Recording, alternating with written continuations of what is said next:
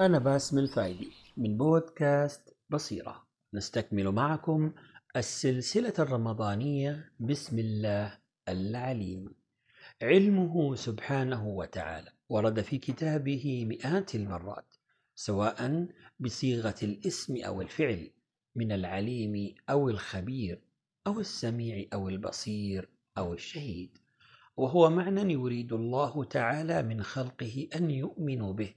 وأن يتفكروا فيه وأن ينثروا هالاته في أقوالهم وأعمالهم واعتقاداتهم لأن مسيرهم إليه سبحانه لن يستقيم إلا وفق إيمان جازم بهذا العلم المحيط بكل شيء في الوجود. وقد كان علم الله تعالى هو أكبر ما يسيطر على خيالات السلف الصالح ويرتب نظرتهم إلى الحياة.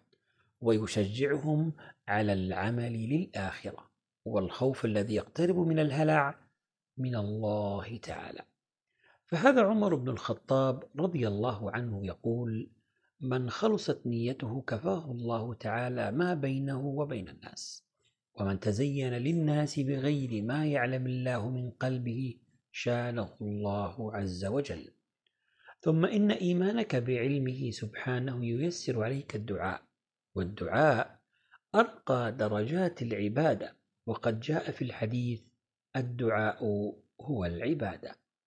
فركن إلى رب يسمع دعواتك في الليل لتعم الطمأنينة كيانك وأنت متيقن أنه بكل شيء عليم.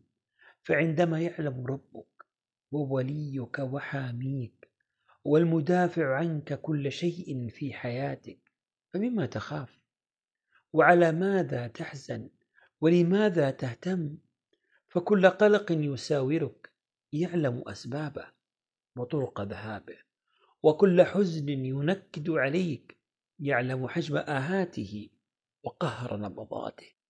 وكل مرض أيقظ مضجعك يعلم سر دائه ونوع دوائه. أنت لم تحتاج في دعائك له بأن تسرد كل التفاصيل. يكفيك أن تقول يا رب ارفع عني ما أصابني لأنه لا أحد أعلم منه بما أصابك ولا بكيف يرتفع عنك هذا المصاب. فسبحان الذي يعلم ما كان وما يكون وما لم يكن لو كان كيف يكون.